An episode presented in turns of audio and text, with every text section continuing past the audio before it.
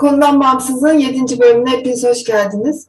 Koronavirüs sebebiyle ben e, yaklaşık 6-7 gündür karantinadaydım. O süreçte biraz rahatsız da hissediyordum kendimi. O yüzden e, yayın çekemedik. Bugün 7. bölümle karşınızdayız. Ufuk abicim nasılsın? İyiyim sen nasılsın? Geçmiş olsun bu arada. Çok teşekkür ederim. Ağır geçti biraz herhalde. Evet biraz ağır atlattım ama şu an daha iyi hissediyorum kendimi. Biraz yine böyle bir kırıklığım var ama daha iyiyim. Teşekkür Geçmiş ederim. olsun. Gündem her zamanki gibi yoğun. Ee, Şimdi Time'da da, Twitter Time'ında da herkes e, bir uluslararası hukukçu gibi, bir savaş stratejisi gibi Ukrayna, Rusya, savaşı da demek istemiyorum. Doğru kelimeyi kullanayım ya da doğru cümleyi kullanayım. Rusya'nın Ukrayna'yı işgalini konuşuyor. Biz konuşmazsak olmaz. 7 gün bekledik. Biraz zaman geçti. Konuşulanlar konuşuldu gerçi ama biz de kendimizce konudan bağımsız olarak bakalım ne taraflarından alacağız bu işgali. Onu biraz konuşacağız. Ve bugün e, yaklaşık 3 saat önce kadar Sayın Sağlık Bakanı Fahrettin Koca'nın bir açıklaması oldu. Yasakların, belli yasakların kaldırılmasıyla alakalı. Bir de onları yorumlayacağız. Bu Sen ne düşünüyorsun Rusya'nın şeyiyle ilgili? Şimdi ne Putin düşünüyorum? niye böyle bir şey yaptı sence? Ben uluslararası hukukçu değilim. Savaştan, işgalden, ondan bundan anlamam. Ama benim dışarıdan gördüğüm, baktığım ve konuya yaklaştığım taraf hep e, insancıl tarafı. Şimdi bazen Twitter'da da çok yazmasam da bugün mesela bir tweet attım. Bir Rus muhbirin Ukraynalılar tarafından işte kemerle e, bir şeye bağlanıp işte dövülmesi vesaire. O bana da çok mesela e, garip geldi. O yağmacıymış ama. Marketi soyarken yakalanmış. Başka bir kaynaktan yani Rusça bir kaynaktan duyduğuma göre. Olabilir. Yani diyorum ya dünya e, yumuşak kalpler için, ponçik kalpler için bir cehennemdir. Benim için de öyle. Gördüğümü dayanamıyorum. Evet, e, Ukrayna'nın sonuna kadar yanındayız. Ben e, Ukrayna halkını da çok severim. Benim üç tane arkadaşım var Ukrayna'da. Yaklaşık 2018 senesinde ben e, Harkiv'e ziyarete gitmiştim e, gezme amaçlı. Orada tanıştığım arkadaşlarım da vardı. Onlardan ilk zamanlar e, haber alamadım. Bütün iletişim kaynakları kopmuştu çünkü. E, sonrasından e, iyi oldukları haberini aldım. Ya bu benim bakış açım tamamen insancıl yönünden. E, sen nasıl değerlendiriyorsun? Bu taraftan mı bakmak istersin? Başka bir bakış açın mı var bununla ilgili? Ya insancıl yönü tabii bunun çok öne yani e, en önemli kısmı. Putin'in burada Avrupa'nın ve Amerika Birleşik Devletleri'nin zayıf olduğunu düşünüp ve yıllardır işte biriktirdiği Merkez Bankası'nda vesaire rezerve güvendiği ve bunun yanı sıra e, Almanya'nın özellikle Almanya başta olmak üzere Avrupa ülkelerinin Rus doğalgazına olan muhtaçlığını böyle bir hareket düşünüyorum. Avrupa ülkelerini teessüf ediyoruz. Avrupa ülkelerine teessüf ediyoruz. Çünkü başta Ukrayna'ya sözlü destek dışında hiçbir destekte bulunmadılar. İlk iki gün açıkçası işgal edilmesini beklediler Ukrayna'nın. İşte Putin işte Donetsk ve Luhansk bölgelerini ilhak eder. Ondan sonra da iş biter gider. Biz de doğal gazımızdan olmayalım, sıkıntı çekmeyelim gibi bir düşünce içindelerdi. Diye düşünüyorum. Sonra Putin işi biraz daha ilerletip diğer şehirlere de saldırmaya başlayınca ve Ukrayna halkı teslim olmayıp direnmeye başlayınca çok burada Zelenski'yi tebrik ediyorum. Muhteşem bir devlet başkanlığı, muhteşem bir e, liderlik örneği göstererek Allah'ın aslanı ya. Allah'ın aslanı e, halkının önünde durdu ve Avrupa'yı müdahaleye zorladı. İşte Avrupa'nın e, doğalgaz sıkıntısını göz önüne atıp bunda kışın bitmesini de şeyi var. Çünkü arada 9 ay var. 9 ayda her şey düzelir diye düşünüyor olabilirler. Ee, Ukrayna'nın yanında durması açıkçası çok güzel bir olay oldu. Ama biraz geç kaldılar. Bunu da bilerek yaptıklarını düşünüyorum. Amerika'da Joe Biden'ın son iki gün dışında e, yine Avrupa gibi çekimser kaldığını, burada e, Avrupa'ya şu dersi vermek istediğini düşünüyorum. Şimdi Rusya Ukrayna'yı ilhak ederken Amerika buna neden çekimser kalır diye bir düşünüyorum. Avrupa'ya şunu demiş olabilir. Biliyorsunuz Avrupa Avrupa'nın güvenlik masraflarının tamamı neredeyse yani çok yüksek bir miktarını Amerika karşılıyor NATO üzerinden. Ve burada Trump da zamanında Avrupa'ya gelip işte bu güvenlik şeylerin ödemelerini artık arttırın. E, iyice yük olmaya başladınız dediğini biliyoruz. E, bakın biz olmasak Rusya Ukrayna'ya neler yapıyor? Biz olmazsak siz de nanayı yediniz gibi Almanya şu anda güvenlik harcamalarını 100 milyar dolar kadar arttırmayı düşünüyor ve buna harekete geçiyorlar vesaire. E, bu işgal planı diyeyim, yani Putin'in yaptığı bu hareket aslında Avrupa ülkelerine, biz dahil Avrupa ülkelerine büyük bir ders niteliğinde. Yani otokrat liderlerin yanındaki kadrolar boşalınca yanında şimdi otokrat bir insan e, otokrat bir lider belli bir süre geçtikten sonra yanında liyakatlı adam bulunduramıyor. Çünkü liyakatlı adamların hepsini o yanındaki yalama tayfa ezmiş oluyor. Bu Putin'de de geçerli çünkü bakıyorsun ordusunda lojistik sıkıntısı var. Yani e, işte istihkam alanında sıkıntılar var. Geri hizmette sıkıntı var yani. Yiyecek içecek desen 2014 son kullanma tarihli kumanyaları vermişler adama adamlara. Adamlar savaşa gidiyorlar yani. Böyle bir saçmalık var. Bu tamamen liyakatsizlikten dolayı kaynaklanan, kaynaklanan bir şey. Otokrat liderlerin genel sorunudur bu. Yani otokrasi evet. Otokratik ülkeler çok çabuk büyür. Doğal kaynakları varsa özellikle. Çok çabuk zengin olurlar. Çok e, e, aşırı derecede hızlı para bulabilirler, büyürler vesaire. Carçurt. Ama günün sonunda yanlarındaki liyakatlı adam sayıları azaldığı için çünkü liyakat sahibi her adam adam bir şeye itiraz ettiği zaman adamı düşman görüyorsun. Burada yaşadığı sıkıntının olduğunu düşünüyorum Putin'in. Bakıyorsun adam işte Gazprom'un yetkilileriyle görüşüyor. Masa 20 metre masanın başında duruyor. Belli ki bir korkusu var. Şimdi, şimdi onu söyleyecektim. Yani e, Putin'in biraz karakter olarak yani siyasetteki duruşu olarak zaten çok ulaşılması güç, kendini beğenmiş, bencil bir tavrı var zaten. Her alanda da bunu gösteriyor. Yani o 20 metrelik masaların e, başında oturması, e, göz mesafesini, göz kontağını çok iyi ayarlayamaması. Şimdi ben ilet- iletişimci olduğum için bunu ta o zamanlardan yazmıştım aslında. Yani bu aslında kendisini gösterme biçimi Putin'in.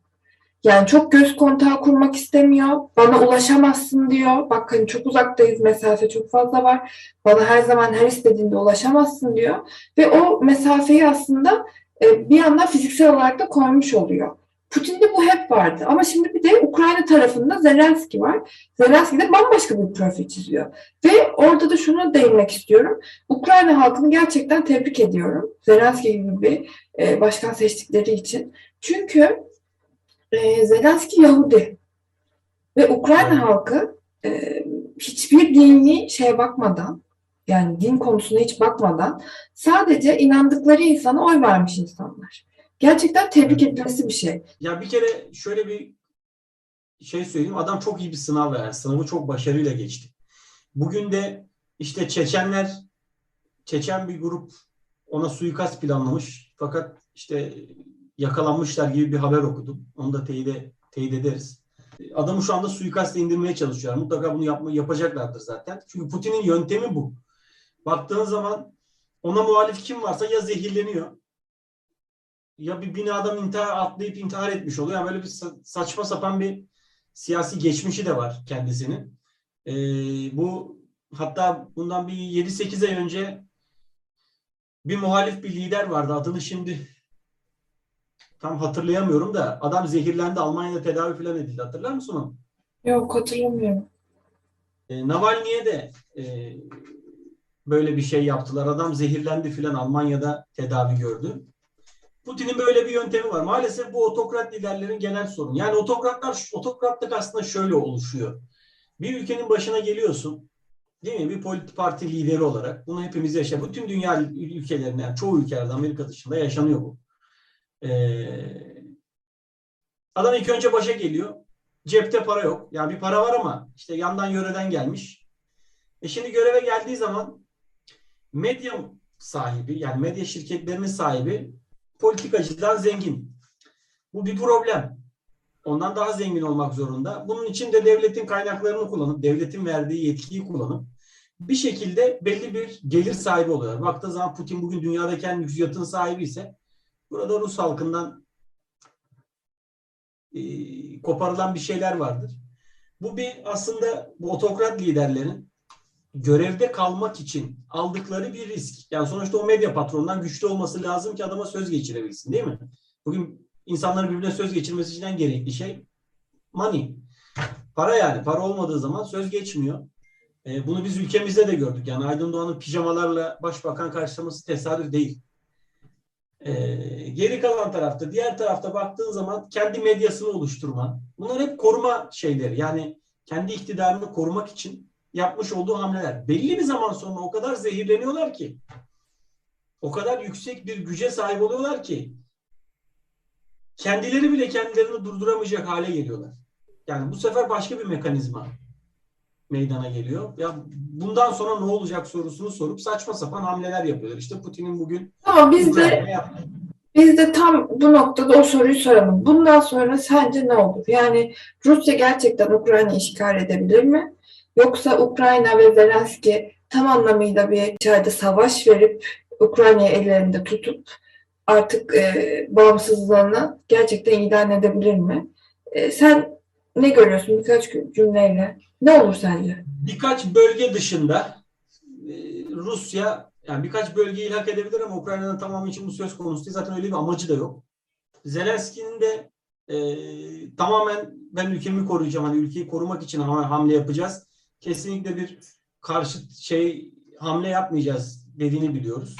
Bu sular bence 2-3 ay içerisinde durulur. Çünkü Rusya bunu sürdüremez daha fazla. Hani her ne kadar kasasında hani tam 700-800 milyar dolar olsa da 200 milyar doların 3 günde gittiğini varsayarsak dayanacağı süre belli. E, Rusya'daki oligarklar evet tamam Putin zengin etti onların çoğunu. Onu da biliyoruz. E, belli bir yerden sonra itiraz edeceklerdir mutlaka. E, ben bu işin sonunda Putin'in koltuğunda kalamayacağını düşünüyorum. Aslında Putin ve Rusya hükümeti yaklaşık 2020'nin başlarından itibaren biraz agresif yapılarını göstereceklerini ortaya koymuşlardı o yıllarda. O yıllarda söylüyorlardı yani yaptıklarıyla. Özellikle STK'lara, Rusya'daki STK'lara karşı açılan davalar, Putin'in sarf ettiği sözler ve son olarak da 2021'in sonunda Rusya'nın en köklü, en eski STK'sı olan Memorial Derneği'nin e, kapatılmasıyla son bulan bir STK şey vardı. Şimdi STK'ların üzerinde biraz durmak istiyorum ben. Yani bunun adını geçirmek istiyorum. E, çünkü bu tür ortamlarda aslında hem hükümeti hem başkanın hem de e, diğer tarafların orta yolunu bulmasını sağlayacak sistemler STK'lar gibi geliyor bana. Evet halkla arasında yani hükümetle halkla arasında. Şimdi ben Putin'in halkını çok fazla dinlediğini zannetmiyorum. Yani Ukrayna'nın işgalinden Ruslar da mutlu değil aslında. Yani mutlu olan bir kesim vardır elbette ki. Ama çoğu insan bunun yanlış olduğunu hemen hemen e, dile getiriyorlar. Şimdi o yüzden aslında Rusya ve Putin 2020'den beri bağıra bağıra geliyorlar. Yani biz bir şeyler yapacağız. Kırım'dan bu yana değil mi? Efendim? Kırım'ın ilhakından bu yana bence. Yani evet öyle, öyle de. Ama ondan önce nispeten Öyle. biraz daha yumuşak bir adam. Evet, evet öyle de denebilir. E, Ben böyle bir şeyin olacağını bekliyordum. Yani şimdi kalkıp müneccimlik yapmak gibi olmasın ama yani böyle hani Ukrayna'yı işgal edecek demiyordum tabii ki ama ben Putin'den böyle bir sert bir adım hani ya Avrupa'ya karşı ya kendi içerisinde sert bir adım bekliyordum. Çünkü zamanı gelmişti yani STK'ları bu kadar devre dışı bırakan bir başkan e, başka ne yapabilir yani bu yüzden bırakıyordur gibime geliyordu. E, ve onu da yaptı açıkçası. Bence bir e, müzakere ortamı oluşacak gibi geliyor bana. Her ne kadar şu an Müzakere ortamında ama Ukrayna masadan kalktı biliyorsun. Evet evet her ne kadar işte olaylar bu yönde evrilmese de ben e, yani Avrupa'nın ya da işte NATO'nun bir şekilde ara buluculuk yapıp özellikle ABD'nin burada çok önemli bir rol üstleneceğini düşünüyorum ben. E, belki elini bir taşın altına koyabilir. E, bir müzakere ortamının olacağını en azından hani sonuçlanmasa da o masaya bir oturulacağını düşünüyorum ben benim açımdan. Ben de. Ya ben son aşamaya kadar açıkçası özellikle bu ekonomik yaptırımların etkili olduğunu gördükçe NATO'nun o masadan uzak duracağını ve uzaktan sadece hamle yapacağını düşünenlerdenim.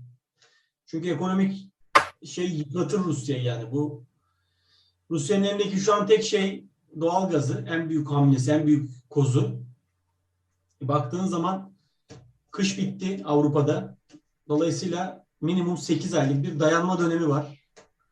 Yani o 8 ayda Rusya bunu kurtarabilir mi, idare edebilir mi onu bilmiyoruz.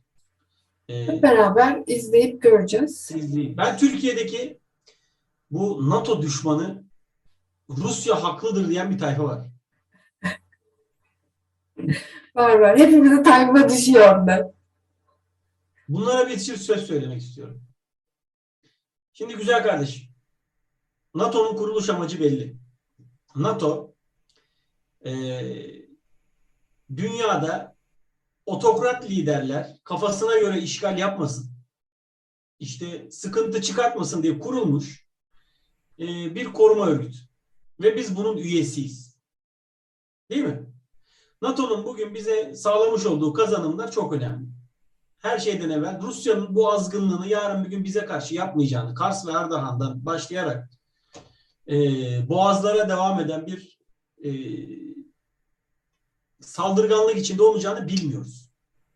Doğru mu? Ama tahmin edebiliriz. Bugün NATO olmasa bize bunu rahat rahat yapabilirler. Çünkü sonuçta Ukrayna'nın kaldığı, baş başa kaldığı durumu görüyoruz. Yani 2-3 gün, bir hafta da olsa çok kötü bir durum. Adam mecliste çıkmış diyor ki NATO bir terör örgütü. Bunu me- mecliste bir vekil söylüyor. NATO bir terör örgütüdür. İşte NATO'dan çıkılmalı. Ve kardeşim biz bir terör örgütüne üye bir devlet miyiz? Böyle geri zekalıca bir şey söylenebilir mi? Söylenemez ama söyleyebiliyorlar. Ülkede amirallik yapmış adam. Adam amirallik yapmış. NATO ordusunda komutanlık yapmış. Üst düzey. Onlarcası var. Yüzlercesi var. Ve bu adamların NATO'da görev alırken, NATO ordusunda görev alırken Rusya'ya ve Çin'e istihbarat satmadığını da bilmiyoruz ha. Yani NATO ondan dolayı da korumacı tavır takınıyor da olabilir. Çünkü affedersin bunların Avrasyacı olduğunu biz biliyoruz da NATO bilmiyor mu? Biliyor. Değil mi? Baktığın zaman NATO'nun bize çıkarttığı tüm zorlukların bu kadro yüzünden olduğuna ben inanıyorum. Çünkü adamın ordusunda görev yapıp adamın karşı tavır takındığı bir yerin savunuculuğunu yapıyorsun. Şimdi sen kendini NATO'nun yerine koy, NATO yönetiminin yerine koy. Türk ordusuna karşı, Türkiye'ye karşı bir ön yargıyla hareket edersin. Bu adamlar maalesef meclisimizde, bu adamlar maalesef siyasetimizde siyasete yön vermeye çalışan, bu adamlar maalesef ordumuzda zamanında görev yapmış, ordunun e, bütün gizli bilgilerine ulaşmış insanlar. Burada Türkiye'yi ben hakikaten e, çok mağdur durumda görüyorum. Yani Türkiye Cumhuriyeti bu tarz insanların kötülüklerine maruz kalmayı hak etmiyor. Biz bugün NATO'nun en büyük belki ikinci ordusuyuz. Baktığın zaman yani kara gücü yok. Ve yani askeri güç olarak NATO'daki en güçlü ordulardan bir tanesiyiz. NATO'nun en önemli kozuyuz belki sahada yani. Baktığın zaman Afganistan'a bakıyorsun, Kosova'ya bakıyorsun, Suriye'ye bakıyorsun. Biz askeri hamleleri iyi yapabilen bir milletiz. Adamlarla bizi düşman edip gereksiz yere neden adam bana F-35 vermedi diyorsun? Ya kardeşim sen gidip diğer taraftan S-400 alırsan adam sana korumalı bir şekilde ürettiği yani bilgilerin tamamen korunmasına muhtaç olduğu bir sistemi satmaktan imtina da edebilir. Burada diplomatik olarak bir hata yaptı evet AK Parti hükümeti. Fakat bu son Ukrayna hamlelerinde ben başarılı buluyorum. O NATO düşmanı heriflere rağmen daha düzgün hamleler yapıyorlar.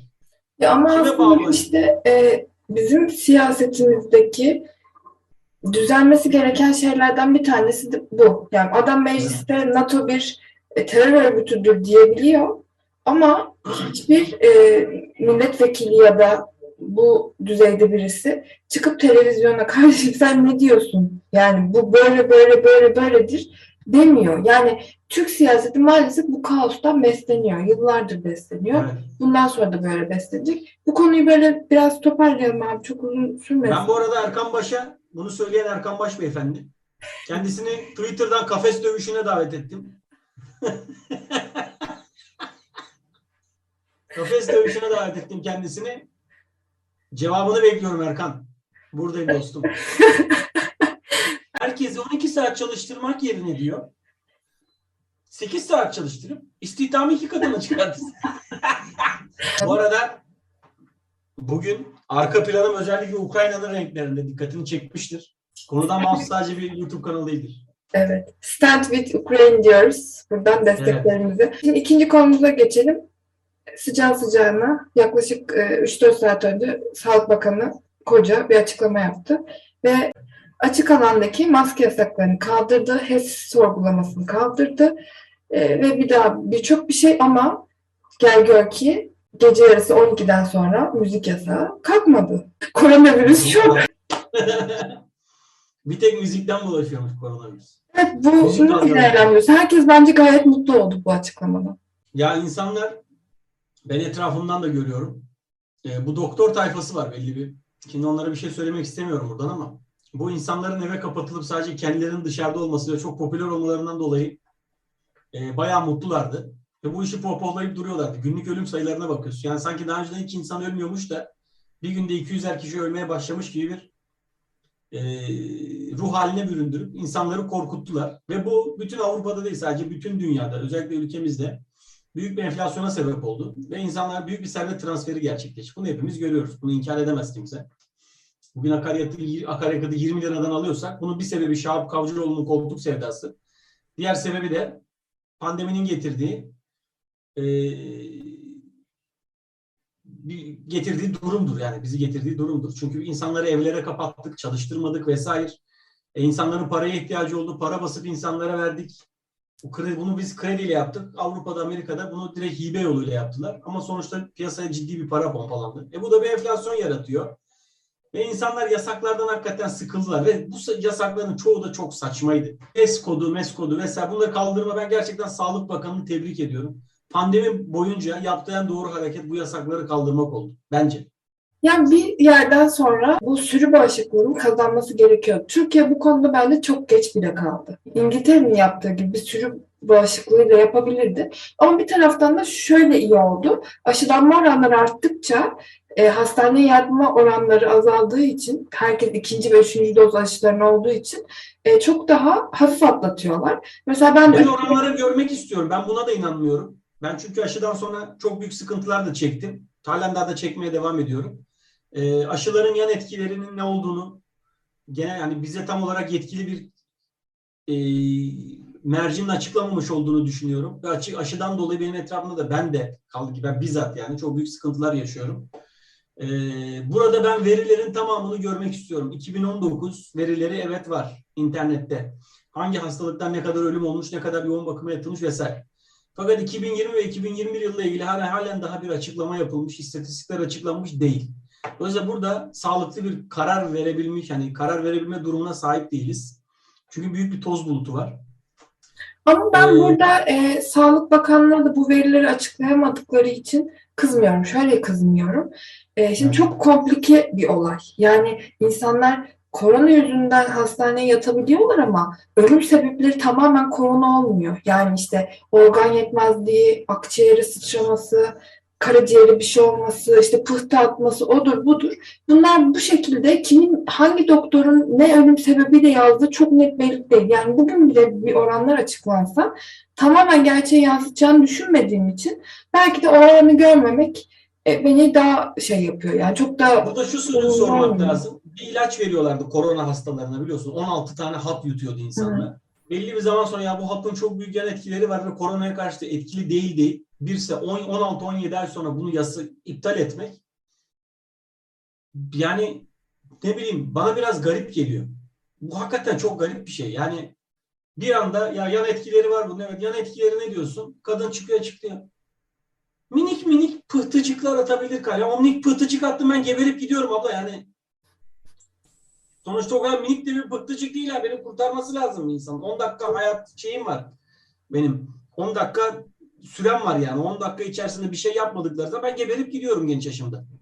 Dolayısıyla bu doktorlar özellikle birkaç tane isim var. Şimdi söylesem mi söylemesem mi bilmiyorum ama diye bir adam var mesela ya tamamen güveniz güvensiz geliyor. Bir tane kalp hastı, kalp doktoru var kadın sarışın. Böyle bakıyorsun internette böyle yalan yanlış haberler yayınlıyor Twitter'da. Yani ben o insanların açıkladığı hiçbir şeye inanmıyorum. Ya sonuçta bir amaçları var onların ve o amaç üzerine ne olduğunu bilmiyorum artık aşının pazarlamacısı mı diyeyim ne diyeyim yani aşının tanıtımcısı mıdır bu adamlar? Sonuçta ortada 10 milyar dolar kazanmış da bir şirket var baktığın zaman değil mi? Adam çıkıyor diyor ki eee üçüncü dozu da olalım. Tam olduk dayı. Üçüncü dozu da olduk evet. E bir dördü de olmamız lazım. E tamam onu da olalım. E altı, altı ayda bir de birer tane daha aşı. Baba yani bunun adı aşı değil o zaman yani. Şöyle bir durum var. Maskenin yarattığı çevre kirliliğinin etkisini biz 4-5 sene sonra göreceğiz. Of. Of, Hiç sorma abi. Hiç sorma yani. Bunlar göze bir de şu göz ardı ediliyor. Biz şimdi futbolu takip eden insanlarız. Benim tane Twitch'te de yayın yapıyorum işte futbol menajer bilmem ne. Genelde futbol hakkında konuşuyoruz orada. E şunu söyleyeyim.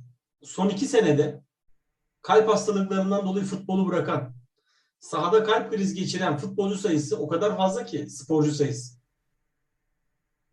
Agüero futbolu bıraktı. Adam kalbi artık kalbim artık götürmüyor beni diye. Aşıdan sonra bana bir şey oldu diyor.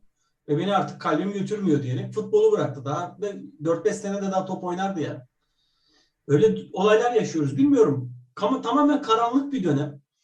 Şunu düşünüyorum. e, bugün dünyada e, refahın arttığı dönemlere bakıyorum. İşte İspanyol gribinden sonra e, reel ücretler artmış. İşte ikinci, birinci Dünya Savaşı sonrası, ikinci Dünya Savaşı sonrası gelirler artmış. Çünkü insan sayısında bir azalma olmuş vesaire. Pandemide böyle bir şey olduğunu bilmiyorum. Zannetmiyorum. Çünkü gripten de, zatürreden, ben zatürre olmuştum küçükken mesela. Zatürrenin de aynı etkileri yarattığını biliyorum. Ee, o kadar insan öldüğünü düşünmüyorum.